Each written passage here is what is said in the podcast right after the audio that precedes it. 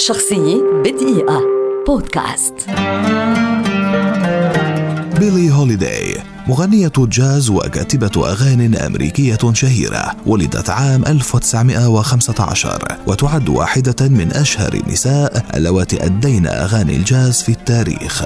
بدأت هوليداي مع جارها كينيث هولن مسيرتها المهنية الموسيقية عام 1929 وفي عام 1933 سجلت صوتها للمرة الأولى ثم أطلقت أغنيتين مع العازف الشهير بيني جودمان إحداها كانت بعنوان Riffin' the Scotch وحققت نجاحا سريعا ونسبة مبيع عالية وصلت إلى خمسة آلاف نسخة. عام 1939 أدت هوليداي أغنيتها Strange Fruit التي تعد أشهر أشهر أغنياتها حتى اليوم. وفي خمسينات القرن الماضي أصبحت بيلي معجزة موسيقية وأثارت ضجة كبيرة في عالم موسيقى الجاز. وخلال مسيرتها شاركت في عدة أفلام سينمائية أبرزها على الإطلاق الفيلم الدرامي نيو أورليانز عام 1957 نشرت بيلي هوليداي عام 1956 كتاب سيرتها الذاتية بعنوان Lady Sings the Blues. كما أصدرت ألبومها الأخير بعنوان Stay With Me عام 1958 1958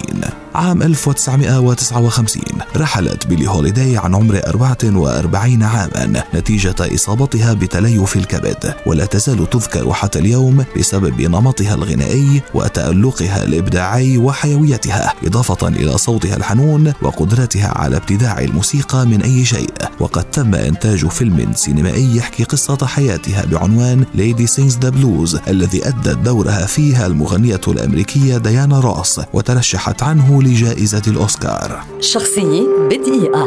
بودكاست.